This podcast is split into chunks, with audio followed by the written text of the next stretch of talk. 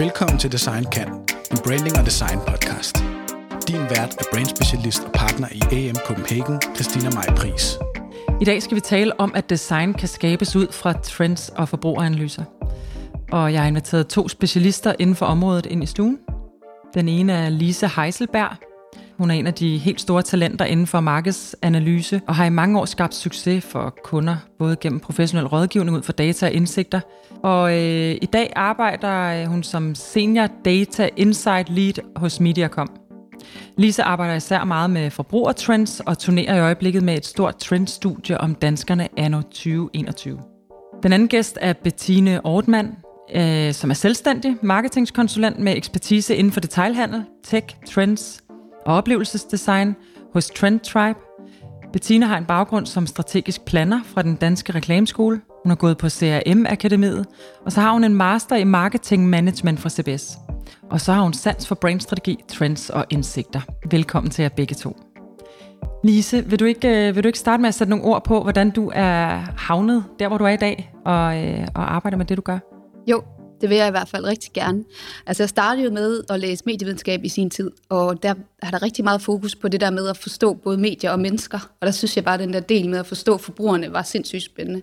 Så kom jeg i praktik hos Designet, som jo laver designløsninger, og der sad jeg i deres researchafdeling. Så der arbejdede vi rigtig meget med at forstå, hvad er det for nogle forbrugerbehov, der er derude, hvordan skal vi bruge det til at designe nogle løsninger. Og så tænkte jeg, nå, det, vil jeg, det synes jeg er mega interessant, det vil jeg gerne arbejde videre med.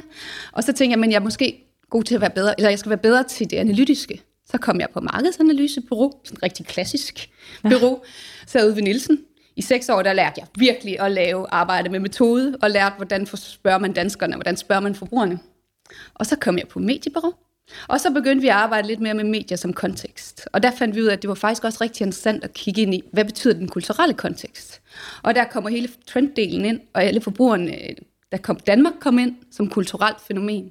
Og så tænkte vi, nu skal vi begynde at undersøge forbrugerne og, og hvad, hvad trends gør ved det content, der skal ud og leve, og med, med de anbefalinger, vi skulle give for vores kunder. Fantastisk. God intro. Det er sjovt, fordi når du siger designer, så tænker jeg selvfølgelig, fordi det er jo faktisk et af de bureauer, der er igennem, vi kommer tilbage til det senere i podcasten i dag, men et af de bureauer, der har været rigtig dygtige til at, at kombinere øh, indsigter med, med, hvad kan man sige, færdige løsninger, både inden for øh, grafisk udfoldelse og øh, produktdesign osv. Øhm, Bettine, vil du ikke, øh, vil du ikke komme med en, en uh, intro af dig selv? Jo, jeg hedder Bettine, og min vej ind i branchen, eller det her med at arbejde med forbrugerindsigter, jeg tror, den startede måske allerede, da jeg var barn, fordi jeg var sindssygt nysgerrig. Altså, jeg var sådan en, der altid gik og spurgte folk, hvad tænker du på? Og alle andre synes, det var enormt irriterende, men, men jeg var bare så nysgerrig. Um, og så, øh, jamen, så da jeg så skulle i gang med at have en uddannelse, så kom, jeg kommer fra sådan et hjem, hvor at det der med at være kreativ, det var noget, jeg fik at vide, det kan man være i sin fritid. Ja, det er ikke et arbejde. Nej, det er ikke et arbejde. Det kan du altid det er mange, der fik at vide.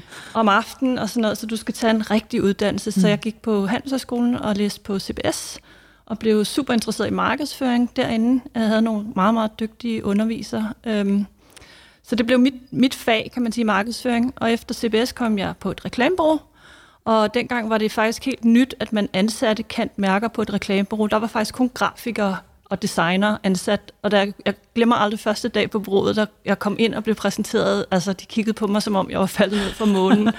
en kendt mærker, hvad skal vi med hende, ikke?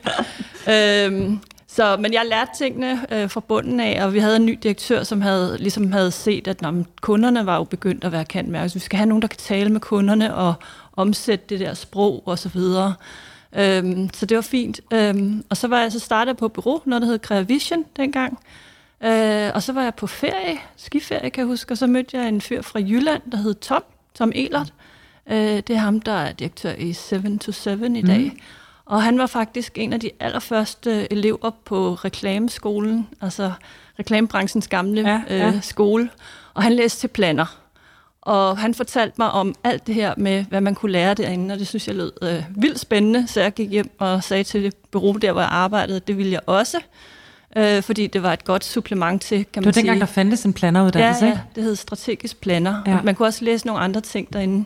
Det gør der jo lidt nu, skal vi lige huske ja, at sige. Ja, det er rigtigt. Ja. Den Strategy er, den er insight. Ja, ja. ja. Men, øh, men i et lidt andet format. Men ja. ja, men det var en super spændende uddannelse og et super godt supplement, fordi på Handelshøjskolen, der lærer man meget med tal, mm. øh, og markedsanalyser og så videre, men her der lærte man, at det her med at forstå forbrugeren, det handlede om at tage ud og besøge dem og bo hos dem.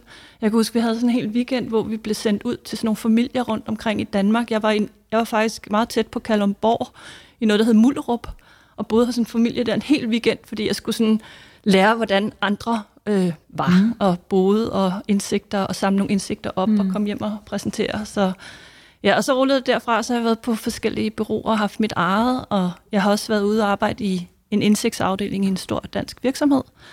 Øhm, ja, og nu, nu har jeg mit eget igen, og underviser også inde på KEA på entreprenørskab og design. Spændende. Hvad er det, øhm, hvad kan man bruge, det er jo et stort spørgsmål, hvad kan man bruge forbrugerindsigter til?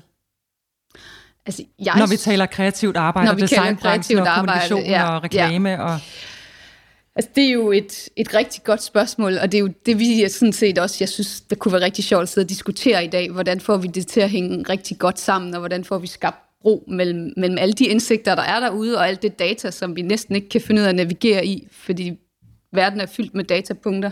Der er i hvert fald ikke noget sted, man ikke kan gå hen uden at finde noget data, hvis man vil.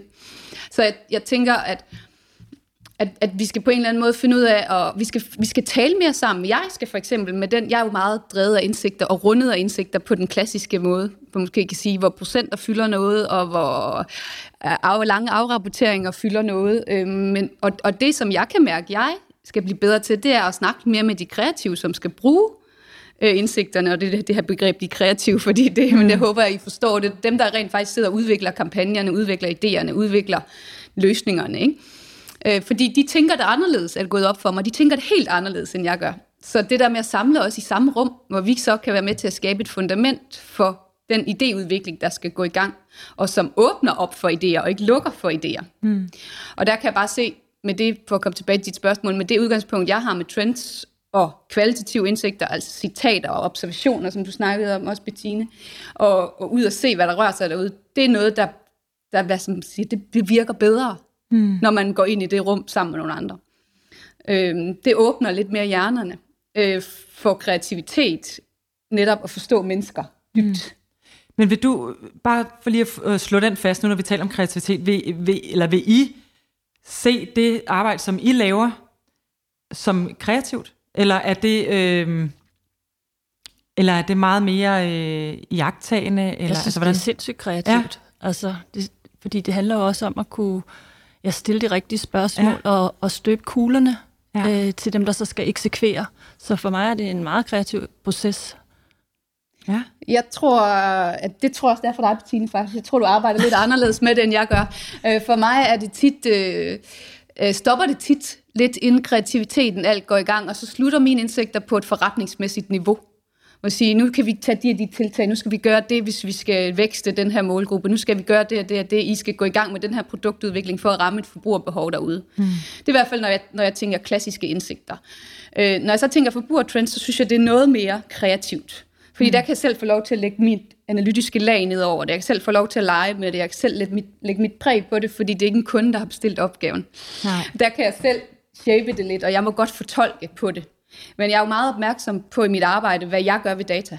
Jamen præcis, det er der, hvor jeg tænker... Og, det... og, og det er derfor, at øh, også med det kursus, vi går på sammen, Christina, at, mm. at, at det, det, det, det er lidt svært for at tage mig... Mm. Altså jeg, jeg arbejder med at tage mig selv ud af ligningen, når jeg interviewer mm. folk, og ikke lægge mine fortolkninger ned over det. Og det, som, og det er måske en fordom, men det, som jeg synes kreative nogle gange gør, det er, at de lægger rigtig meget sig selv ned over mm. de indsigter, som de måske ender med. Og så skal man sige, at man må ikke komme for langt væk fra indsigten. Mm. Man skal stadigvæk være ægte. Ja, ja. Så når du siger det her med, at... Øhm, når du siger det her med at oversætte og bygge bro, eller sådan... Ja. Prøv lige, prøv, lige at, øh, prøv lige at blive lidt i det space. Altså, du, du, har, du har fundet nogle indsigter, du har fået... Vi kommer til at komme tilbage til en, en, nogle konkrete cases, men du har fundet nogle konkrete indsigter, og, en, og du skal briefe nogle kreativ på det. Ja. Hvad er det, der kan slukke, og hvad er det, der kan tænde, siger din erfaring, i forhold til, at de kreative kan bruge det til deres videre arbejde? Altså, det, der slukker dem, det er tal og procenter. Okay. Og lange rapporter. Og tit så arbejder vi jo med i min afdeling med, at så har vi måske en kombineret kvalitativ metode med noget kvantitativ metode. Ikke? Det vil sige, at du har både nogle tal, men du har også nogle spørgsmål, der forstår, hvorfor siger de, som de gør. Og jeg kan mærke, at det, der tænder noget, det er, når de der hvorfor-spørgsmål kommer ind. Og det er, når vi har nogle citater ud fra levende mennesker, som de kan hive fat i og arbejde videre med. Øh, og, og, og så kan jeg også mærke, at det er, når der er et twist i indsigten, altså når den på en eller anden måde er lidt sjov, og man på en eller anden måde kan arbejde lidt med den, ikke? Øh, det, det kan de også arbejde videre mm. med. Og det er jo så der, hvor hvis jeg skal kigge på mig selv, hvor det så også, at det, det er udfordrende for mig, ikke? Fordi mm. hvem laver det twist? Ja, og det er jo lidt sjovt. Er det forbrugerne, der har ja. lavet twistet? Det er det jo ikke rigtigt, vel? Nej. Det kan, men, men, men det er også okay nogle gange, og jeg synes, der det mener jeg også, jeg mener også, det skal være okay, at det twist også kommer. Fordi igen, indsigt, gode løsninger er jo heller ikke altid kun skabt på en til en oversættelse af indsigter. Jeg vil lige pege tilbage til en tidligere podcast med Søren Christensen og uh, Trine Keller, hvor vi talte om indsigter. Fordi den, uh, den, det, det er egentlig meget sjovt at have i mente til, til, til dig, der sidder og lytter derude, at, uh, at al den, den måde, som der bliver arbejdet med, eller talt om indsigter, der er jo i virkeligheden uh, samme sted, som I er, men hvor det bliver et den bliver vinklet på en eller anden måde, indsigten. Den bliver faktisk kreatificeret, talte vi om tidligere, ikke? Så det er det twist, du taler om. Og ja. det er, at når man så har kreatificeret den her indsigt, så kan, den, så kan den skabe, hvad kan man sige, referencer og tanker og idéer og alt muligt andet til at lave et reklamekoncept, eller en designudvikling, eller et produkt, eller hvad det end kan være i den anden ende. Øhm, ja. Altså, jeg tror meget på, at de kreative, de skal mærke indsigten på egen krop. Mm. Øh, så altså, jeg har god erfaring med at inddrage faktisk kreativ i indsigtsprocessen. Hvordan det? Øh, jamen, sådan lidt... Øh, Ligesom inden for skuespilfaget, der har man også noget, der hedder method acting, mm. altså hvor man ligesom øh, bliver et med den rolle, man skal have. Så at prøve som planer også at tilrettelægge nogle processer, hvor de kreative kommer med ud og ligesom går i målgruppens spor. Ja. Øhm, ja, for eksempel på et tidspunkt, der, der jeg var hos uh, Republica, der skulle vi arbejde for et, uh, et kosttilskudsbrand, noget der hed Pori. Øhm, og, og de var sådan født i nogle bestemte sportsmiljøer. Og øh, der tog vi simpelthen ud og trænede alle sammen, og mødte de her mennesker, og så, hvor, øh, hvor mm. kosttilskuddet var på hylderne og sådan noget. Så det der med at komme ud og være mærke i de det. miljøer, og mærke det, og, og, og opleve det selv, øh, det tror jeg er en, er en god ting. Og så kan man, ja, og så kan man bedre også ligesom få det ind under huden, øh, når man er derude. Og der tænker jeg sagtens, at de kreative kan komme med i den proces. Mm. Hvordan kan det være, øh, og nu jeg ikke for overhovedet at, øh, at sige, at sådan, sådan har jeg haft det, men jeg vil sige, at i designbranchen har vi været forholdsvis dårlige til at, øh, at, at bygge ting på, på, altså jeg taler for egen regning, men øh, på analyser og, øh, og sådan øh, større mængder af data. Altså det er ligesom, det har, det har tidligere været sådan lidt et fyreord, sådan, ej, det, bliver, det er lidt trælsalt det der, vi skal jo, det, nu, nu er vi jo kreative, ikke? nu skal vi ligesom have lov til at åbne fuldstændig op for alt og hvis jeg synes, det synes alle andre, det måske også, og sådan noget. Så der, det, der jo, det er jo en bevægelse, altså man kan sige, kraft af, at vi har fået adgang til meget mere data, og i kraft af, at der er så meget snak om data, så er vi selvfølgelig også blevet mere bevidste om, at vi skal kunne bruge den data til et eller andet, og at den er der. Altså hvor tidligere, der var det måske sværere, der skulle man ud og bo hos folk, eller et eller andet. Ikke? Men, øhm, men det der med, at det nærmest var lidt et fyrord at sige, øh, øh, eller pege tilbage til et eller andet, man skulle undersøge det på den måde. Det, det, det, det kan jeg jo mærke, der er en transformation, men der er jo stadig igen det der, men, fra data til kreativitet. Altså, jeg tror, at data kan skabe noget tryghed også, ja. altså specielt hos, hos kunderne, ikke? Øh, hvor at, at det andet måske er meget sådan en fornemmelse, og det kan være svært at, ja. at, at acceptere ikke? Øh, og forstå. Så tænker jeg meget, at data kan være med. Det kan være det, der gør, at, at man føler sig tryg. Mm. Men jeg tror også, at måske hvis man sådan oplever, opfatter sig selv som ægte kreativ, så skal man måske have en følelse af, at man selv finder på det hele. Ja. Og det er måske tilbage til de skoler, I også bliver uddannet på, ikke? Altså, at, at, at jeg ved ikke, hvor meget data fylder på arkitektskolen, på alle de der forskellige ting. Altså, vi googler jo tingene.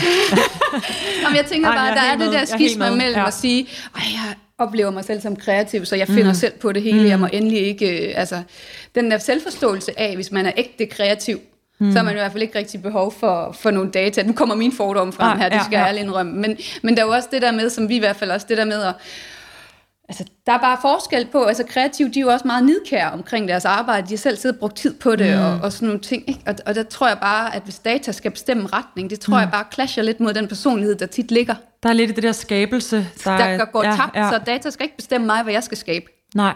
Det, ja. Problemet kan jo også være, at data tit er noget historisk. Ja. Altså det er nogle, nogle historiske tal, men det siger jo ikke noget om altid nødvendigvis, hvad det så sker i morgen. Nej, nej. Øhm, fordi det kan være noget helt andet, og der ja. kan det jo godt være en god ting at, have en, at bygge på en fornemmelse frem ja, for ja, en stor klar. dataserie. Ja. ja. Ja, det, det, det er jeg faktisk også enig i. At jeg tror også, det er så tit det argument, man hører, når man taler med nogle kreative. Nå, man, vi kan jo ikke finde noget fedt ud af at spørge forbrugerne. De ved jo ikke, hvad de vil have. Nej. Altså, det er den klassiske, man får tilbage. Ikke? Øh, at øh, vi skal jo finde på noget, som de ikke ved, ja. øh, ved de har brug for. Øh, og så hellere lade være med at spørge dem. Ja, og det er der også en eller anden sandhed i. Men, ja. men det er der, hvor jeg synes, det bliver lidt... Man kan godt have et fundament at stå på. Mm. Man kan godt stå på noget, og så bruge det som springbræt. Mm. Men handler det fundament så ikke også om, at øh, altså, det er jo simpelthen bare også en del af research at forstå et område, ægte forstå et område, ja. for at kunne vælge ting fra os? Altså, så der er vel, det, det er vel bare noget med at gå oplyst ind i en opgave, hvor, hvor man måske har en tendens til at starte lidt mere koldstart, ikke? Og sige, nu skal vi bare, øh, nu skal vi bare øh, være kreative og, og finde på hvad som helst, ikke? Hvordan, øh, prøv, prøv at fortælle øh, om et sådan konkret projekt, hvor en kunde er kommet og bedt om en undersøgelse. Det, det er ret interessant at vide, og hvad, hvad kan det så ende med? Altså sådan, så vi forstår, hvor i processen, og, øh, og hvordan bliver det så brugt bagefter? Altså, jeg synes tit, at kunderne kommer og beder om en løsning, og så er det, så er det mig, der må sige, prøv lige at høre, vi skal lige undersøge det først. Okay, så, så en kunde kommer til dig og siger... Vi skal have det her løsning. Altså, det er tit det, man oplever. Jamen, hvad er en ikke? løsning? De har, Ja, vi skal have en løsning, vi skal have det ved jeg ikke, en, en kampagne eller yes. et eller andet. Og, og det er faktisk lidt et problem, for de glemmer lidt, at der ligger en kæmpe værdi i alt det arbejde med at finde data de vil bare og indsigter. Gerne have den ja, de vil bare gerne have løsningen. Okay. Øh, og det tror jeg, mange bureauer kæmper med det der med, at, at kunderne vil ikke betale for den der Nej. lange, store, vigtige proces, ja. men de vil gerne betale for, at der kommer en film ud eller et produkt ud, de kan forholde sig til. Og jeg har bare oplevet så tit, at det er mig, der rækker fingrene ved og siger, jamen vi kan godt lave en løsning, men vi bliver nødt til at starte med at have nogle indsigter ja. og noget viden og så ja. videre, og det tager altså også noget tid. Så der, der tænker jeg, at vi har et kæmpe opgave også i hele branchen, måske også med at opdrage ja. øh, og for, forklare og formidle essensen og vigtigheden af den proces, øh, og at løsningerne ikke bare kommer sådan her af sig selv. Mm. Altså det, det er jo også rigtig meget det, jeg hører fra mine kollegaer. Nu sidder jeg jo lidt anderledes, så vi får tit indsigtsopgaver, dem skal jeg nok beskrive mm. lidt øh, indsigtsbrief. Men det er jo tit det, jeg hører fra, fra mine kollegaer, der sidder i vores øh, reklamebureausafdeling. Mm. Så kommer de, de, skal, de ved, de skal bare have nogle løsninger.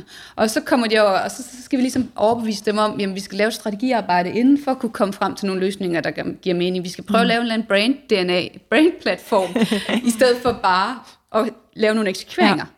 Øh, men, men jeg er enig med dig i. Det, men det er jo ret gældende for alle det, steder det i branchen. Ret, ikke? At det, kunderne vil jo bare gerne have det, de kan de, se for ja, sig. Ikke? De forstår øh, måske ikke. De forstår og det forstår jeg godt, at man ikke gør. Ja. Det er også svært at forstå, ja. hvad sådan en proces indeholder. Ikke? Og det måske også synes, de, det er dyrt, ikke? Jo, og så også hele den der pengene i det, og alle de der forskellige ting, som man så skal ind og argumentere for hele vejen. Ikke? Ja.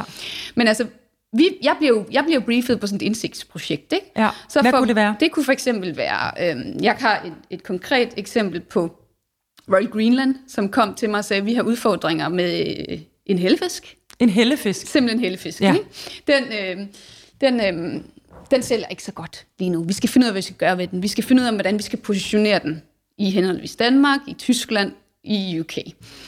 Og, og så går vi ligesom i gang med at finde ud af, hvordan kan vi undersøge det her. Og det er så min opgave at finde ud af, hvordan undersøger jeg det her bedst muligt, og selvfølgelig i samarbejde med kunden. Og det blev til en snak med nogle kokke, for det var meget dem. De mente, dem skulle de også øh, have i gang med. Jeg synes, det var en god idé, for den vej over, overbevise ja, forbrugerne om at få den altså top of mind igen for forbrugerne. Så hele det indsigtsarbejde handler jo så om at gå ud og tale med de her kokke. Det var en workshop, vi lavede, hvor de lavede mad.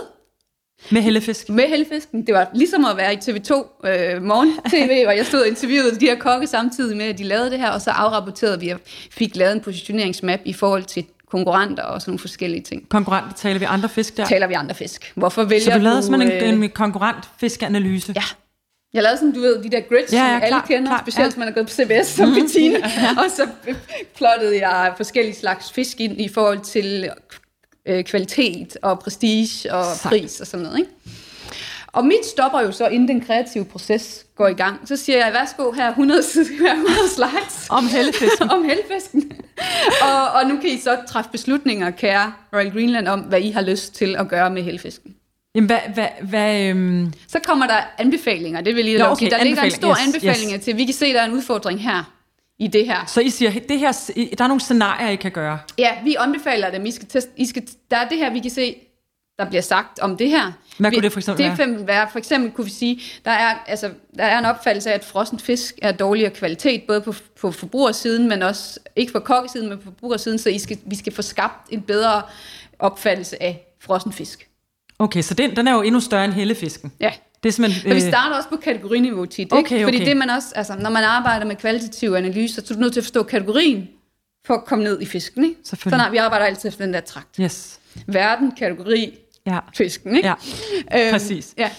Øhm, og så der kan være noget, der kan være en udfordring allerede op i kategorien. okay. Og, og kokken gør jo bare det, forbrugerne vil have. Ja. Vi skal jo sælge noget, ikke? Ja, Øhm, det er efterspørgselen, der styrer ja, det. ja. Okay. Medmindre du har det privilegie, at du bare kan gøre, som du vil. Ikke? Det er de færreste restauranter. Så I kom til Royal Greenland og sagde, De kom til os og sagde, jamen bagefter kom Ja. I og sagde, vi har fundet ud af det her. X, Y, Z, mm. øh, der er de her scenarier, der er det her, vi synes, I skal agere på. Mm. Vi anbefaler det her. Vi anbefaler, I taler kategorien op som markedsleder. Mm. Vi anbefaler, I gør nogle forskellige ting. Vi anbef- så havde de noget konkret kommunikation, de skulle have testet. Så gik, det havde jeg testet. Jeg sagde, det er det her statement, budskab, der tester bedst. Er det et projekt, der er færdigt, så du kan sige, hvad det endte med? Ja, det er færdigt. Ja, ja. ja. Så det, det, det er det her, der tester bedst, ja. og bla bla bla. Mm. Ja. Men, men nej, det sjove er jo så, jeg ved faktisk ikke rigtig, hvor den endte henne, Christina. Nej, fordi, Fordi jeg ryger af der. Ja. Jeg ryger af, inden jeg rigtig ved, hvor det så ender henne. Ikke? Vi alle sammen kommer til at google hellefisk efter det her.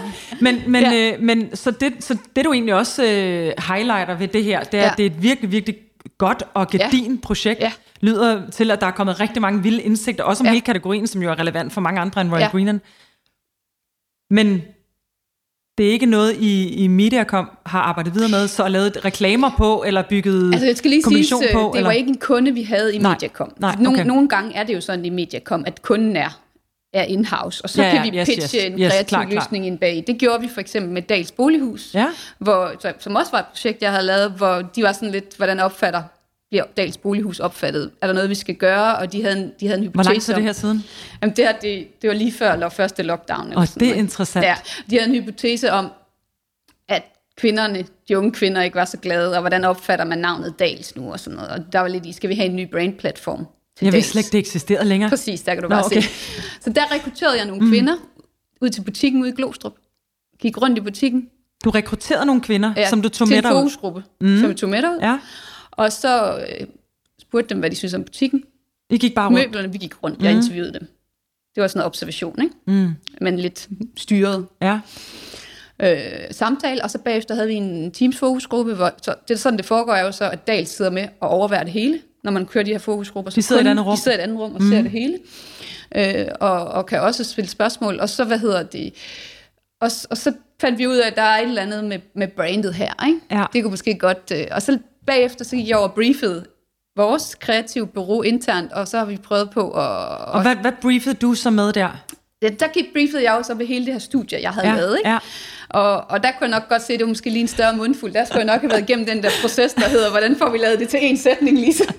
Eller hvordan skulle de have været med derud? Ikke? Skulle de i virkeligheden have været der? Skulle ja, de have haft ja. ind i forløbet før? Skulle jeg have lavet et eller andet rum, der var Dals bolighus og alle de der forskellige ting? Fordi mm. det var voldsomt. Ja, det kan jeg forestille mig. Altså, jeg skulle nok have bearbejdet mm. det lidt bedre, for at det var taget. For at de bare tænkte, nu ja. ved vi, ikke? ja. Fordi studiet i sig selv er jo simpelthen så meget værd. Ja. Så hvordan får vi omdannet det? Altså, og, og Bettina, kan du ikke prøve at, øh, at føre os lidt ind i, hvad kunne man gøre? Fordi du er jo virkelig på begge sider, kan man sige, ikke? Jo, altså Hvad- hvad det kan man der gøre i den der overlevering? Det der med at inddrage øh, dem, der skal eksekvere mm. i, i indsigts- og analyseprocessen, det synes jeg er en rigtig god idé. Og så ja. starte med at, at tage dem ud af deres miljø. Øh, Designerne? Ja, Eller de de skal kreative? Ikke, ja, de skal Mm. mm. ikke sidde der på bureauet bag en computer og prøve at være kreativ. Altså, det, det starter jo allerede, når de kommer ud og oplever noget. De skal mærke det, tror jeg også, fordi kreative mennesker er jo meget føle mennesker. Mm. Så det der med at stå med tusind slides og en masse ja. tal og sådan noget, det går bare ikke. Dem tallene kan, kan du gemme til kunderne, øh, måske. ja. ikke? Men jeg tror meget på at tage dem ud. Altså for eksempel, jeg var med til at relancere FDB Møbler her for et par år siden også. Spændende. Og der startede vi simpelthen inde på øh, Dansk Designmuseum inde i Bredgade øh, i deres Ja. ja. mø- møbeludstilling, eller stoleudstilling, fordi det er jo sådan, når man arbejder med møbeldesign, det ved du, så er stolen er jo projektet. Ja, ja. Øh, så der var vi inde og se på stole der, og det handlede jo om Børge Mogensen og, og, og tegnstuelederen, der startede dengang. Og, og der, der startede den kreative proces. Altså jeg briefede faktisk derinde, øh, Okay. samtidig med, at vi gik rundt og så film og udstilling og så videre. Ja. Og altså ja, det var jo en lang proces, øhm, og jeg skal ikke gå i detaljer med den, men, men jeg, jeg selv, det er en af de ting, jeg faktisk er stolt over at have været med Mhm. til. Jeg synes, det Ja. har været en fed proces, hvor alle har været med hele vejen, og der er kommet noget rigtig godt ud af det, og jeg tror også, at FDB er, er rigtig glade. Og jeg tror, det der, det der, jeg sidder jo her på, jeg sidder jo på den, øh, ikke på den anden side, men jeg sidder jo på bureau, og har et bureau, og har øh, medarbejdere, og sidder jo tit og briefer ud fra øh, sådan øh, brainstrategiske overvejelser, og det skal ligesom føres videre, nu skal der begynde at blive bygget noget, noget øh, kreativt og nogle løsninger på det. Der er også en hverdag, ikke? Og der er sådan en, øh, altså det, det, det lyder mega fedt. Tænk, hvis man kunne gøre det på alle kunder, og så kommer den her hverdag, hvor man bare jo sidder foran computeren og bare løser kunder øh, hele tiden, og det er væg til væg møder og alt muligt andet. Men det er jo en vild god, øh, altså det er jo virkelig noget, man skal holde for øje, at det der med at tage folk væk, og, øh, og mærke det, og gøre det relevant på en eller anden måde også, ikke? Altså mm. som du siger, Lisa, ja. at, at det ikke bare ligger som sådan øh, 200 sider rapport om hellefisken, men at, der, at du måske har lavet, eller i samarbejde med en, der er rigtig dygtig til det der twist, eller humor, til at lave de der sådan øh, indsigter i den, i den sidste ende, som så kan være broen. Altså, for det er den der bro, der kan mangle. Det kan jeg jo mærke bare, når jeg sidder og bygger brainstrategier. Ja. Fra brainstrategi til den visuelle identitet, der skal til at bygges, eller den digitale platform. Der er også et kæmpe gap. Så hvordan gør man det relevant? Ikke? Mm. Og det, det, er jo, det er jo i allerhøjeste grad vigtigt i forhold til alt den data, I får samlet på et projekt. Ikke? Ja, og jeg, jeg synes jo det som, og igen tilbage til det med tiden, men det som er det fede, og det var jo, hvis man så med de forskellige kompetencer, der jo tit allerede er til ja. stede på et bureau, og man så måske tog nogle timer ned og satte sig sammen og brainstormede. Ja. Det kunne også være pisse fedt. Ja, øh, for dem, der er ansat, og have det tiden til at gøre det der.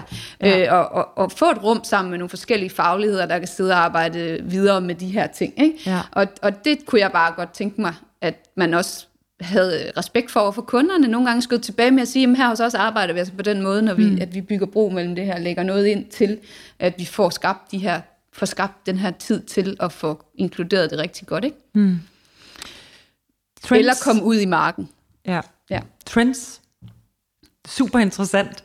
Øh, og øh, jeg har jo selvfølgelig siddet og kigget på, det, det er et projekt, I to også har arbejdet lidt sammen om, kan jeg forstå, men øh, I har lavet nogle trends af sådan danskerne anno 2021.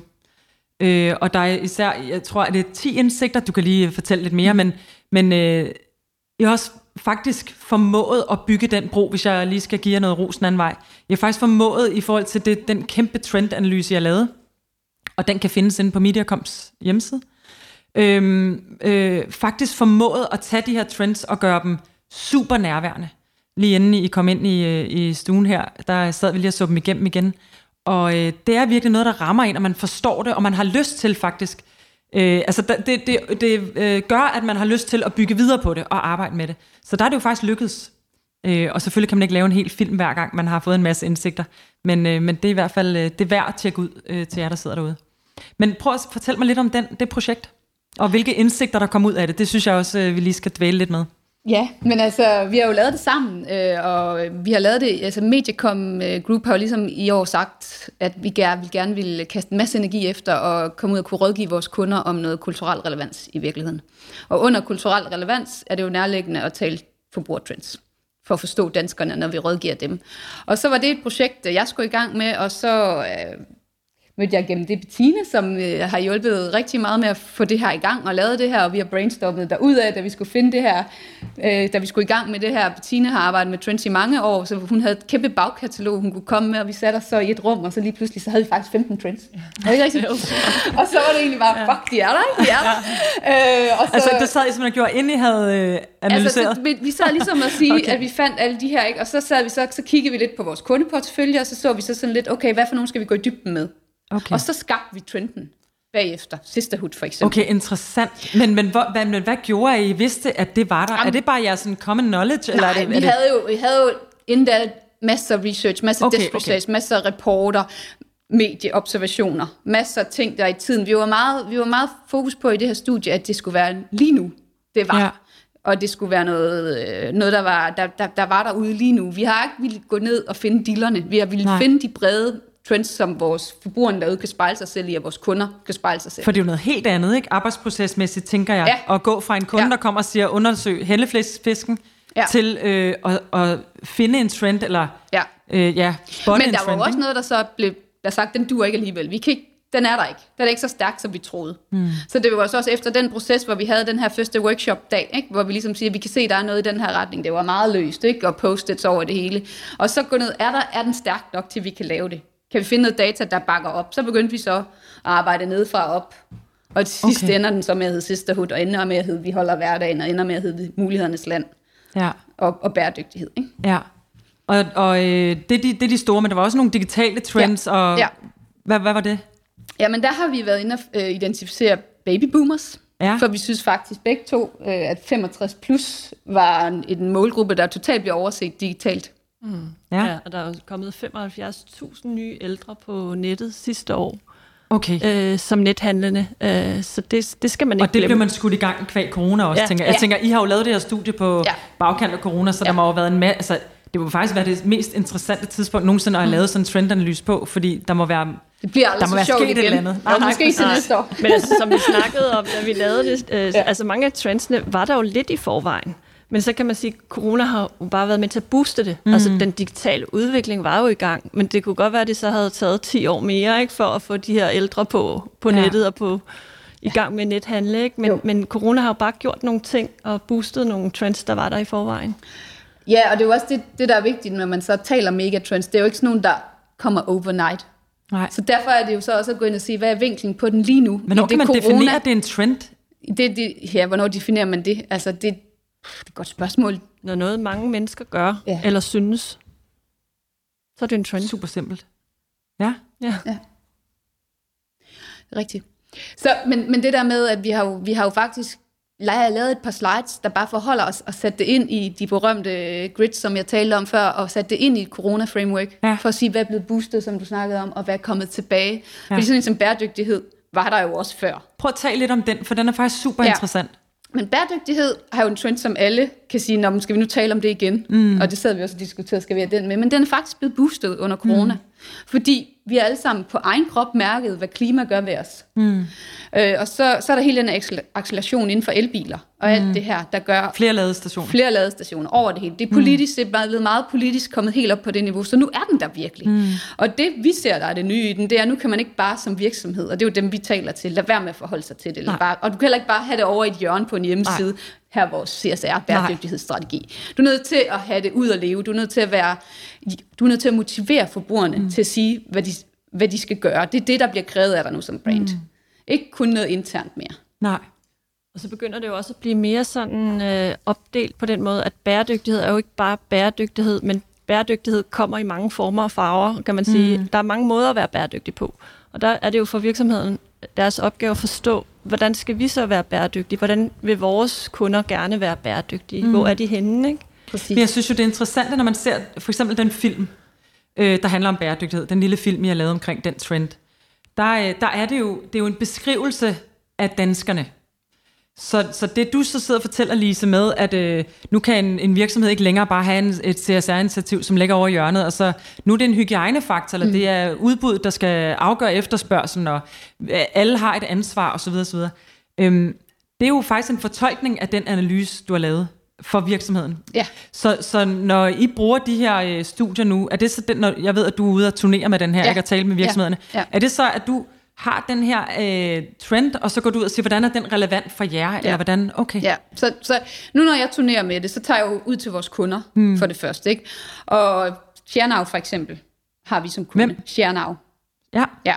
Og så tager vi ud til dem, og så har jeg jo den her med, og så sætter jeg den jo i relation til kunden. selvfølgelig. Og så siger jeg, hvordan skal I agere på det her? Og, mm. og laver den der bro for dem mm. i virkeligheden. Ikke? Jo. Og workshopper omkring, hvilke nogle mulighedsrum kan de så se i Ja. forhold til den her trend? Hvad skal de så arbejde endnu mere videre med? Ja. I forhold til at ramme det, forbrugerne er optaget af. Ja, Så jeg er enig, der laver vi faktisk broen. ja, ja præcis. Øh, Øhm, jeg ved ikke, om broen helt er ned til, at de så tænker, der var den kreative Nej. idé til at lave en ny kampagne. jeg kan se filmen for mig. men, men, men i hvert fald, så kan du sige, at...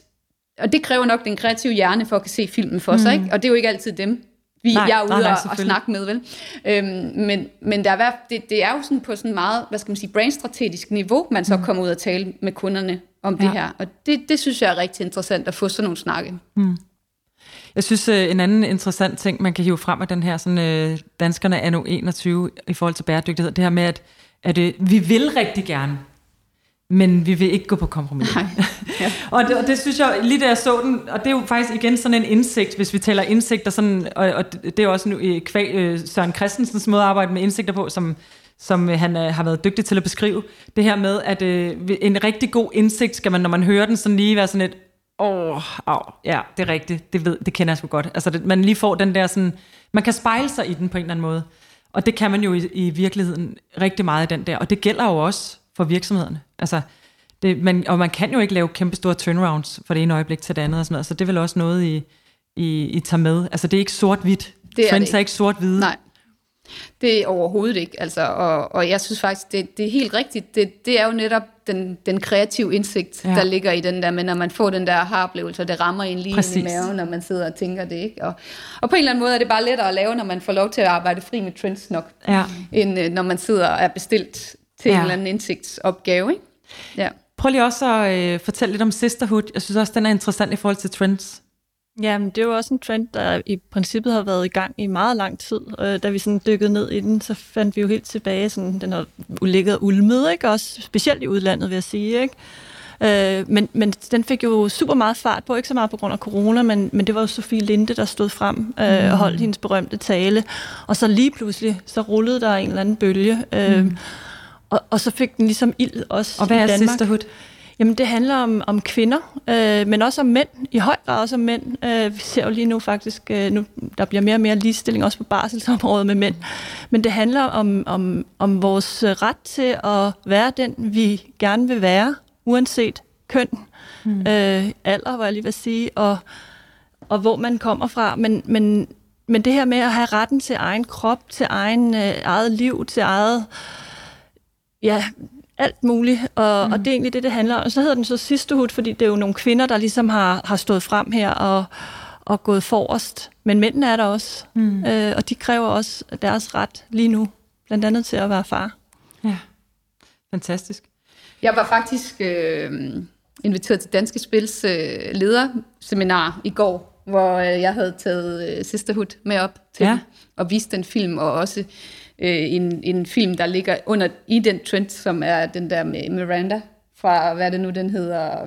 Sex and the City? Ja, Sex and the City, ja. hun har lavet, kan du, kan, er der nogen, der kan huske, jeg kan ikke huske, hvad kampagnen hedder lige nu, men den, den kan helt sikkert google, hvis det er, den hedder. Kan du huske, hvad den hed, den vi fandt til? Nej. Men de blev jo faktisk, øh, mange af de mænd, der sad derinde, der er mange mænd ansat i danske spil, de blev forholdsvis provokeret af ja. Sisterhood-trenden. Ja. Og det synes jeg var ret interessant sådan at observere, hvordan den også sådan deler vandene, og det er det, jeg virkelig kan mærke, når jeg er ude og præsentere den, at den, den deler virkelig vandene. Fordi de er Alt af afhængig hvor ung det, eller? du er, eller mm. hvor du er henne, og mændene føler sig sådan lidt ramt af den mm. også, og, og, og måske, og, men, men der er den der pointe i, at de unge mænd i hvert Ja. fald også er i den, ikke? Ja. Jo. Øhm, vi har så valgt at kalde den sisterhood, fordi det er kvinder, der driver den, og fordi vi også synes, der ligger sådan en søstersinds bevægelse i den. Ja. Altså kvinder, der skal gøre hinanden gode, og ikke bekæmpe hinanden, som måske i virkeligheden vi har været gode til før i tiden, ikke? Ja. Ja, så i virkeligheden at, øh, at fortælle, at ansvaret er, altså, er hos os alle sammen, ja. i virkeligheden. Ja. Ikke? Så det, det handler om, at hvis man skal skabe den her ligestilling og øh, ejerskab over eget køn, så, øh, så gælder det om at, øh, at støtte hinanden. Og, altså, den, den ramte mig, da jeg så den. Jeg synes, det gav super god mening.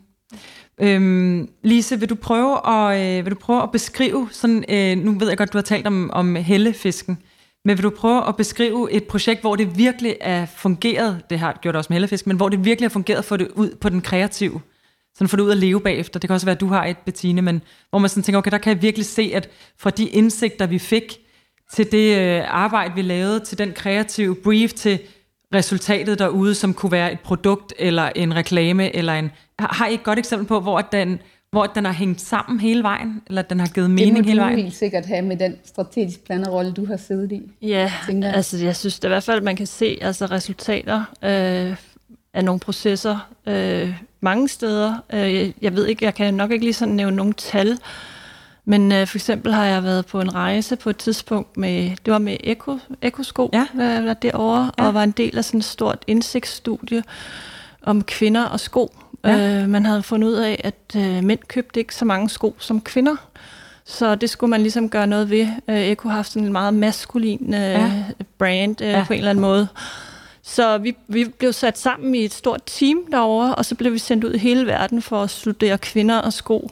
Og det var virkelig spændende. Øh, det var, hvor vi tog hjem til kvinder og, og åbnede deres skoskab og snakkede med dem, og sådan virkelig fulgte i deres Rundt omkring i hele verden? Ja. Øh, jeg var så ansvarlig for Berlin, øh, så der var jeg nede. Det er et godt sted at være ansvarlig ja. for. og så havde jeg nogle kollegaer, der, der var nogle i Shanghai og nogle i New York og forskellige mm. steder. Så mødtes vi alle sammen i Tønder alle steder og, og diskuterede de her forskellige indsigter. Det lyder som et kæmpe projekt. Det var det også. Det var et fantastisk projekt. Var det fantastisk? Og fantastisk også godt set af Eko og modigt, og at man turde ja. ligesom kaste ressourcer. Er det en internt i Eko eller ja, afdeling, var... der ved, at det her det giver virkelig mening? Ja, Fordi det, det er igen tilbage til Hvornår forstår virksomhederne, at det her faktisk er det værd? Mm. Det var det på det tidspunkt. Okay, øhm, vi lavede det så i samarbejde med et, et engelsk bureau, mm. nogen der hed Happen, tror jeg, som mm. ligesom var med til at facilitere processen øh, og sørge for, at der var styr på det. Og så, så mødtes vi jo så alle sammen lige pludselig tønder og, og fik, øh, hvad hedder det, vendt alle de her indsigter og data fra de forskellige markeder. Øh, og jeg synes, altså, uden at jeg kender tal, men jeg synes helt klart, at Eko har rykket så meget fra, hvad de var i gamle dage, til mm. hvor de er nu, når du bare går forbi Eko-butikken på Købmagergade. Altså, det er jo super, taler super meget til kvinder, øh, og der er super mange... Det er noget helt andet. Ja, ja. flotte sko også, ja. som er behagelige at gå i. De har virkelig fået det her projekt Så hvad var og... nogle af indsigterne, eller hvad var... Jamen altså, indsigterne var jo, at vi har godt nok mange sko, ikke kvinder, mm. og vi har enormt svært ved at skille os af med dem, fordi sko også er jo sådan en del af vores uh, historie og mm. identitet. Um, så der ligger rigtig meget i sko. Det er et meget, meget spændende projekt, så det er jo en helt andet for kvinder end for mænd. Um, ja. Og så kunne det er vi mere en praktisk foranstaltning for mange mænd? Eller? Ja, det tror jeg. Altså, der findes selvfølgelig også mænd, der går op i sko ikke? og samler på sko og sådan mm. noget. Men kvinder, vi har bare et andet forhold til, tror jeg, mange, mange af os i hvert mm. fald. Ikke? Og så, øh, men jamen, indsigterne var jo også, at, at det var sådan meget forskelligt fra land til land. Mm. Men sko, altså de sko, man vælger at gå i, de er meget sådan en, et udtryk for en stemning, en kulturel stemning også mm. i et land. Altså det var helt klart, at i Asien var der meget mere knald på farverne og pling og plang og så videre, mm. og i Berlin, der var det bare flade sko og meget mere ned på jorden. Øhm, så det var meget sådan kulturelt, et kulturelt udtryk, faktisk. Mm. Øhm, ja, så det, det var, men det vi fik ud af det, ja, det var så også, hvad, hvordan, hvornår opfattes en, ko, en sko som øh, kvindelig, og hvornår opfattes den som maskulin, ja. øh, og hvordan kan man så også designe sko, øh, så de ser feminine ud, ikke? Og, og markedsføre dem, ja. Fantastisk eksempel. Jeg har også kommet i tanke om noget, ja. jeg lavede engang faktisk. Øhm, jeg lavede engang noget for Motorola. Nej, øh, øh, nej hvad hed, øh, jo, det tror jeg, de hedder. Og de, mobiltelefoner? Mo, øh, Udover mobiltelefon, så laver de også øh, B2B-arbejde. Okay. Og de laver også de her walkie-talkies, som brandmænd har. Nå, okay. Løber rundt med, ikke? Ja. Fireworkers. Øh, og der skulle vi simpelthen, der var jeg i Holland og i England, og vi var faktisk også i, øh, i Asien, mm. og testede de her, altså helt konkret, hvad skal de kunne? Ude hos brandmændene? Ude hos brandmændene, ude at tale med dem om, hvad skal de kunne, for det, det fungerer. Og der havde vi kunden med ude faktisk. Mm. Og, og det var jo direkte input til design. Ja. Hvordan skal de se ud? Hvad skal de yes. kunne? Hvad skal de, hvordan bruger de dem og sådan noget? Ja. Nå, fantastisk. Og lidt med dansk eksempel er jo faktisk, at vi på Mediacom lavede, øhm, vi lavede en driver-analyse til den der kampagne Bare Danmark, ja. der kørte sidste år, som vi faktisk sammen med Hjallinsdal, det var så dem, der overtog ja, vores indsigter. Ja. Så jeg er lidt i tvivl om, hvor meget de brugte lige vores mm. indsigter, og hvilken øh, ja. rækkefølge det er gået, men vi lavede en stor driver-analyse ja. til dem, som handlede Prøv at fortælle, hvad en driver-analyse driver-analyse handlede, den handlede i det her, som, hvad driver danskerne i forhold til valg af ferie på kategoriniveau. Og det var jo et år, vi lavede det, hvor danskerne skulle holde ferie i Danmark. Ja.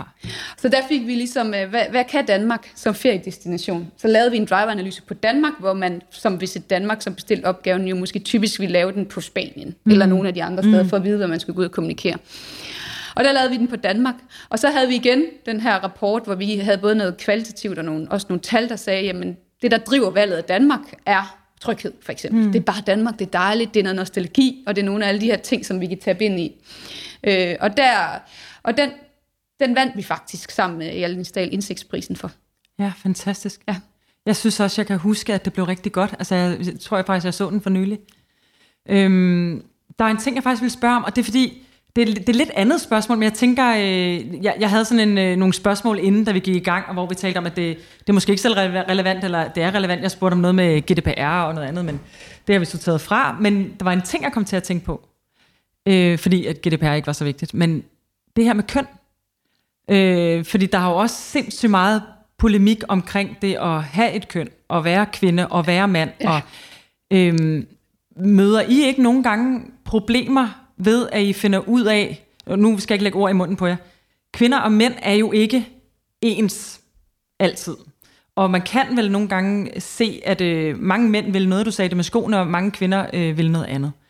Kan I ikke ende i ballade med at sige det, fordi der er mange, der gerne vil have, at alle egentlig skal være frie, og man ikke skal være defineret af et køn, og Altså jeg kan høre, hvordan jeg har svært ved overhovedet at snakke om det her, fordi jeg kan mærke, at især øh, den yngre generation synes, det utrolig svært, hvis man siger, det er sådan mænd er, eller det er sådan kvinder er. Men det må være noget, I løber ind i, når I skal analysere mænd og kvinder, og selvfølgelig også alle mulige andre... Øh... Ja, altså ved os vil det typisk være, hvis vi skal ud og lave nogle segmenteringer. Men det, vi laver, for at undgå det der, så laver man tit en segmentering på holdninger og værdier. Så man laver det slet ikke på køn længere? Nej, altså køn ligger der jo, og du går ind og kan bryde mm. ned på køn. Og så kan man jo gå ind og se, er det her holdningsbaseret segment, som vi har lavet, er det overrepræsenteret eller underrepræsenteret på køn, ja. ikke? Men vi er her så stadigvæk kun han og hun køn med, når, ja, vi, når vi laver det, ikke? og ja. det spørger de faktisk også kun om ude på ja. panelerne. Så ja. på den måde kommer der nok noget, vi skal tage stilling til på et tidspunkt. Ikke? Men, men det er jo for at undgå netop det der med at sige, at det er mænd, der altid gør det der, eller ja. det er kvinder, der altid gør det der. Men så... er der ikke ting, hvor det er mere mænd og kvinder? Altså, det er der vel. Der er vel ting, hvor det hvor, at vi, hvor at der er flere, der gør det ene, og flere, der gør det andet, og det er okay? Eller, ja, altså, altså, det, er jo, det er jo sådan noget, jeg, hvor jeg vil sige, det er vi nødt til at undersøge. Ja. Altid. ja. altså, fordi det kan du jo ikke vide. Det er jo Nej. din hypotese ja. og din antagelse. Ikke? Og jeg kan da på ingen måde vide, hvordan dem på 25 opfører Nej, sig lige klar. nu, øh, efter, efter det, vi er i lige nu. Vel? Ja. Altså. Men altså, jeg giver Lise fuldstændig ret. Jeg tror, vi skal holde op med at snakke om køn, men tale om værdier. Ja. Og, altså, og, og man kan jo lige så godt have nogle traditionelle maskuline værdier som kvinde. Omvendt så ser man flere og flere mænd, som tager nogle traditionelle kvindelige værdier til sig. Ja. Så øh, ja, værdier er nok et godt udgangspunkt, tænker jeg også. Fordi det er jo virkelig en transformation, der er i vores sprog. Altså mm. i forhold til, om vi kan sige det ene eller det andet, eller om vi skal gøre det ene eller det andet, eller øh, helt ned til omklædningsrum øh, ude i svømmehaller. Og, altså, det er jo virkelig noget, der bliver talt rigtig meget om. Ja. Så jeg tænker, det må virkelig også påvirke en branche som jeres, som jo er inde, inde præcis at undersøge alt det her? Men det er jo virkelig svært. Altså, jeg var også ude og præsentere øh, Sisterhood-trenden for nogle kunder, som sad og havde nogle meget unge ansatte, som var en del mere vogue, end mm. jeg er, mhm. man måske sige. Og jeg kom jo til at sige feminine eller kvindelige mm. værdier Jamen, i den der Sisterhood der. Ikke? Og ja. så var spørgsmålet, hvorfor siger du kvindelig? Ja, men det er det, jeg tænker. Og i virkeligheden, så, jamen, det skal jeg jo heller ikke stå og sige. Jeg skal jo sige feminin mere, end jeg skal sige kvindelig, men det er bare, når man selv er på den anden side af 40, så er det måske bare naturligt at sige ja. kvindelig, ikke? Og det er jo der, vi skal rykke os ja. med. Øh, og igen tilbage til, hvad er min rolle? Hvad bliver min rolle i det, jeg sidder og kigger ned på, og det, jeg sidder og analyserer, som jeg tænker, man skal være meget bevidst om, ikke? Ja. Og det er super interessant, fordi det er jo, det er jo sådan en udefrakommende faktor, som virkelig bliver relevant for jeres arbejde. Ja. Spændende. Øhm, jeg kunne godt tænke mig at få jer til at afslutte sætningen design kan. Vil du gøre det, Lise? Design kan ændre verden. Ja, intet mindre. Hvad med dig, Bettine? Design kan alt. Sådan. Det, det er jo nogle kæmpe store begreber, der ikke engang behøver at blive, øh, blive beskrevet. Det har været en øh, stor fornøjelse at have jer med. Super interessant, og super interessant for øh, mig helt personligt, fordi jeg simpelthen ikke øh, kendte nok til præcis den måde, I sad og arbejdede på. Så det har været virkelig dejligt. Jeg havde lyst til at dele ud af det, og jeg håber, dig, der sidder derude, har øh, samme oplevelse som mig. Tak fordi du lyttede med på podcasten Design Kan. Gæsterne var Lise Heiselberg og Bettine Ortmann. I kan følge podcasten på Design Kans hjemmeside eller Facebook-profil eller på AM Copenhagens Instagram. Afsnittet er optaget, klippet og mixet af Tobias Adomat, og jeg håber, at vi høres ved i næste afsnit, hvor jeg igen vil undersøge alt det, som design kan.